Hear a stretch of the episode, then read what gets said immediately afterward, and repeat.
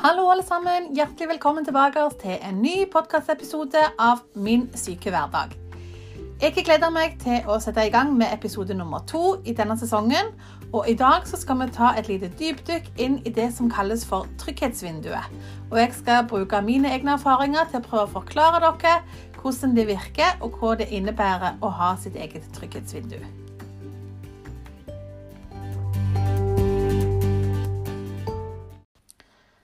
Tusen takk for at du har valgt å følge meg her i podkasten min. Og takk til alle fine tilbakemeldinger som jeg har fått den siste uka på forrige episode. I dag skal vi snakke om trygghetsvinduet. Trygghetsvinduet det er det området i ditt liv som du har etablert en trygghet, en ro, en fred, der du føler at du mestrer det, du har kontroll, og det er der du føler deg vel. Du er innenfor de rammene som gjør at du klarer å unngå for mye stress, og det rett og slett er trygt for deg å være innenfor disse her egne rammene. Trygghetsvinduet er individuelt for person til person, og man kan justere det. Man kan skrenke det inn, og man kan gradvis utvide det.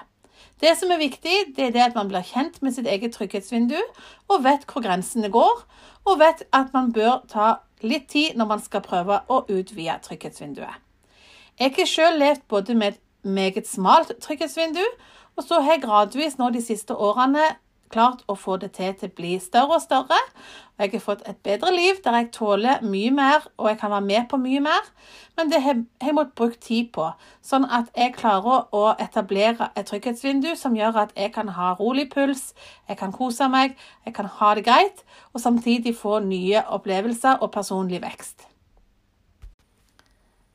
Hvis du er blant de som trenger å ha et smalt trygghetsvindu fordi livet ditt faktisk har budt på en del utfordringer som gjør at du er ikke i stand til å kunne ha en helt vanlig, ordinær hverdag her og nå, så ikke fortvil. Det går an å ta dette steg for steg. Men for at du skal bli trygg nok til å kunne utvide dette trygghetsvinduet, så trenger du veldig klare, gode rammer der du kan leve i. Og Det betyr forutsigbarhet, struktur, planlegging en ekstra mengde trygghet som gjør at du gradvis blir roligere, og du får mer sjelefred, sånn at du kan ta nye steg. Så selv om du gjerne i perioder må ha veldig sånne strenge og klare regler, både for deg sjøl og for familien, så vil det gradvis skape en trygghet som gjør at rammene på trygghetsvinduet utvides. Og dette er en prosess som tar tid. Jeg har personlig erfaring med dette, og jeg vet at det kan til tider være utrolig slitsomt når man må holde seg innenfor svært strenge rammer når det kommer til familie eller seg sjøl. Men jeg vet òg at det er det eneste som hjelper. For jo klarere grenser du har, jo mer forutsigbarhet du klarer å skape i eget liv og i din familie sitt liv, jo bedre er utgangspunktet for at du skal klare å oppnå personlig vekst. Og for det er viktig at du faktisk våger å ta den tida det tar. Det blir ikke unnagjort på 1, 2, 3 men du kan klare å komme så mye lenger enn det du sjøl tror, så lenge du velger å ta tid til hjelp. Og etter hvert som både du og din familie blir tryggere i dere sjøl, så vil dere få energi og pågangsmot til å gå videre i livet og til å ta nye utfordringer. Og da kan man òg klare å gå ut av komfortsonen gradvis og bevege seg framover i livet. Trygghetsvinduet har både unger, ungdom og voksne. Og det er så viktig å huske på at vi er forskjellige, og at vi trenger ulikt tempo. Sånn at hvis dere er flere i familien som har utfordringer, så må du være innstilt på at det kan ta kortere tid for noen og lengre tid for andre. Fordi at det er så individuelt over hvor mye man klarer. Men man må, må, da jobbe hardt med å få en struktur og en rutine som gjør at alle sammen klarer å holde seg innenfor trygghetsvinduet, og samtidig ha en vekst. Dette er en treningssak. Du kommer til å gå på noen smeller, men det gjelder å holde det gående og ikke gi opp håpet om en god og fin hverdag for dere alle sammen. For bare få år siden så var jeg i en livssituasjon som gjorde at alt var svart og mørkt, og jeg hadde ingen mulighet til å kunne klare å se mye lenger fram enn akkurat den dagen. Og da måtte mitt trygghetsvindu være usedvanlig smalt. Det handler kun om å klare å holde seg på beina den ene dagen, og kanskje ha en plan for dagen etterpå. Sånn gikk det over ganske lang tid, og selvfølgelig var dette svært frustrerende og slitsomt. Men livet var sånn der og da, og da blir man nødt til å ta tak. Så har jeg gradvis klart å bygge meg opp sammen med kjæreste, familie, og klart å få en mer stabile og god struktur på mitt liv. Men dette har tatt år, og det har vært en strabasiøs ferd som av og til kan gi meg ganske mange grå hår.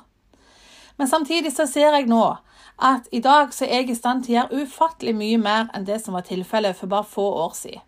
Og Den reisa har vært så spennende og så interessante, og jeg gleder meg så til å se hva jeg klarer å få til i framtida.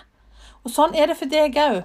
Så lenge du er villig til å fighte, så lenge du er villig til å utvide trygghetsvinduet ditt gradvis, så vil du òg få lov å få nye muligheter i livet, og det vil føles som en spennende reise for deg òg. Kanskje ikke der og da når du står i det, men i etterkant så vil du se at du har kommet et godt stykke på vei. Hvis du som foreldre skal hjelpe ditt barn til å få et større trygghetsvindu, så er det viktig å se barnet der det er akkurat der og da. Prøve å imøtekomme dem på sine følelser og skjønne og lese dem på en god måte. Dette er òg en treningssak, men det er viktig å sette seg ned med ungene og prøve å forstå hvor de er henne, og hva de trenger for å komme inn igjen i sitt eget trygghetsvindu. Det vil være alfa og omega for deg som mor eller far å kunne klare å veilede og rettlede ditt barn, sånn at de klarer å finne tilbake igjen til sin trygge sone, sånn at de kan komme til hekten igjen og faktisk lære noe av den situasjonen de, før, de var i rett før. Og Jo mer trygghet og omsorg og grensesetting de får, jo lettere vil det være for deg å utvide trygghetsvinduet. Men som foreldre så må du være til stede, du må våge å gå inn i smerten sammen med barnet, og faktisk være den voksne som hjelper dem til å sortere litt tanker og følelser. Og òg forklarer dem at dette ikke er farlig. Det er ubehagelig, men det er ikke farlig. Man skal få lov å kjenne på følelser, man skal få lov å utvikle seg som person, men det trenges veiledning og ei hånd å holde i, og at man faktisk må rett og slett si til ungene at ja, vet du hva, jeg skjønner at du nå har det vanskelig, at du er redd, og det er helt greit, jeg er her for deg. Det samme gjelder òg hvis du er kjæreste til en som trenger litt hjelp og støtte i hverdagen sin, og som kanskje har et litt smalere trygghetsvindu enn det du har. Å vise forståelse, empati og være med og støtte vedkommende vil være til veldig god hjelp. Fordi at man trenger å bli møtt med forståelse dersom man blir redd. For det, det, det er jo det som skjer når man går forbi trygghetsvinduet. Så blir man engstelig og redd. Og at da noen kan, som står oss nær, faktisk kan være med og støtte oss og gi oss den tryggheten som vi trenger, det vil være med og hjelpe òg voksne. Jeg har vært veldig heldig og har en kjæreste og nå ektemann som virkelig har gått inn i den rollen, og som har lært seg til å forstå meg og lese meg og skjønne hva som egentlig foregår. Han oppdager kanskje et angstanfall egentlig før jeg gjør det sjøl, fordi at han ser signalene og han vet hva han skal gjøre. Men det har krevd intens kommunikasjon og en velvilje fra begge parter, sånn at man finner en vei å gå sammen. Men åpenhet rundt dette og snakke sammen som kjærester er utrolig viktig, og det vil være en god ting som kan, dere kan bære med dere i, i deres forhold. Og jeg har iallfall fått veldig god nytte av å ha en som står meg nær, som faktisk er villig til å stå i stormen sammen med meg og ta den bøygen som kommer der og da. Så folkens, trygghetsvindu det er noe vi har alle sammen. Noen er mer bevisste på den andre, enn jeg tenker at det er viktig å faktisk ha litt fokus på det for dere som egentlig har det greit i livet òg. Fordi at man lærer seg sjøl å kjenne, og man forstår mye bedre hvordan man reagerer som menneske. Hva som er positivt, hva som er negativt, hva som er, føles rett, og hva som føles galt. Og man blir òg mer bevisst på hva det er som kan trigge usikkerhet og redsel hos den enkelte. Så ta litt tid og tenk over hvordan, hvordan ditt trygghetsvindu egentlig er.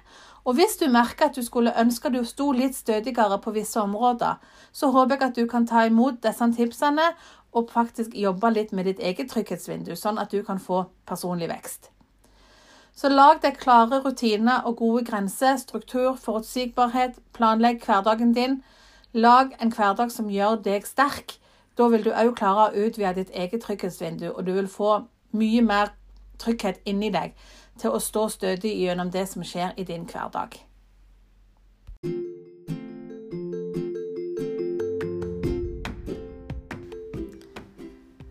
Jeg tenker at nå har dere fått noen gode tips med på veien. Begynn å jobbe med deg sjøl. Tenk etter hvordan du har det i ditt eget trygghetsvindu, og vurder om du ønsker å gjøre det større.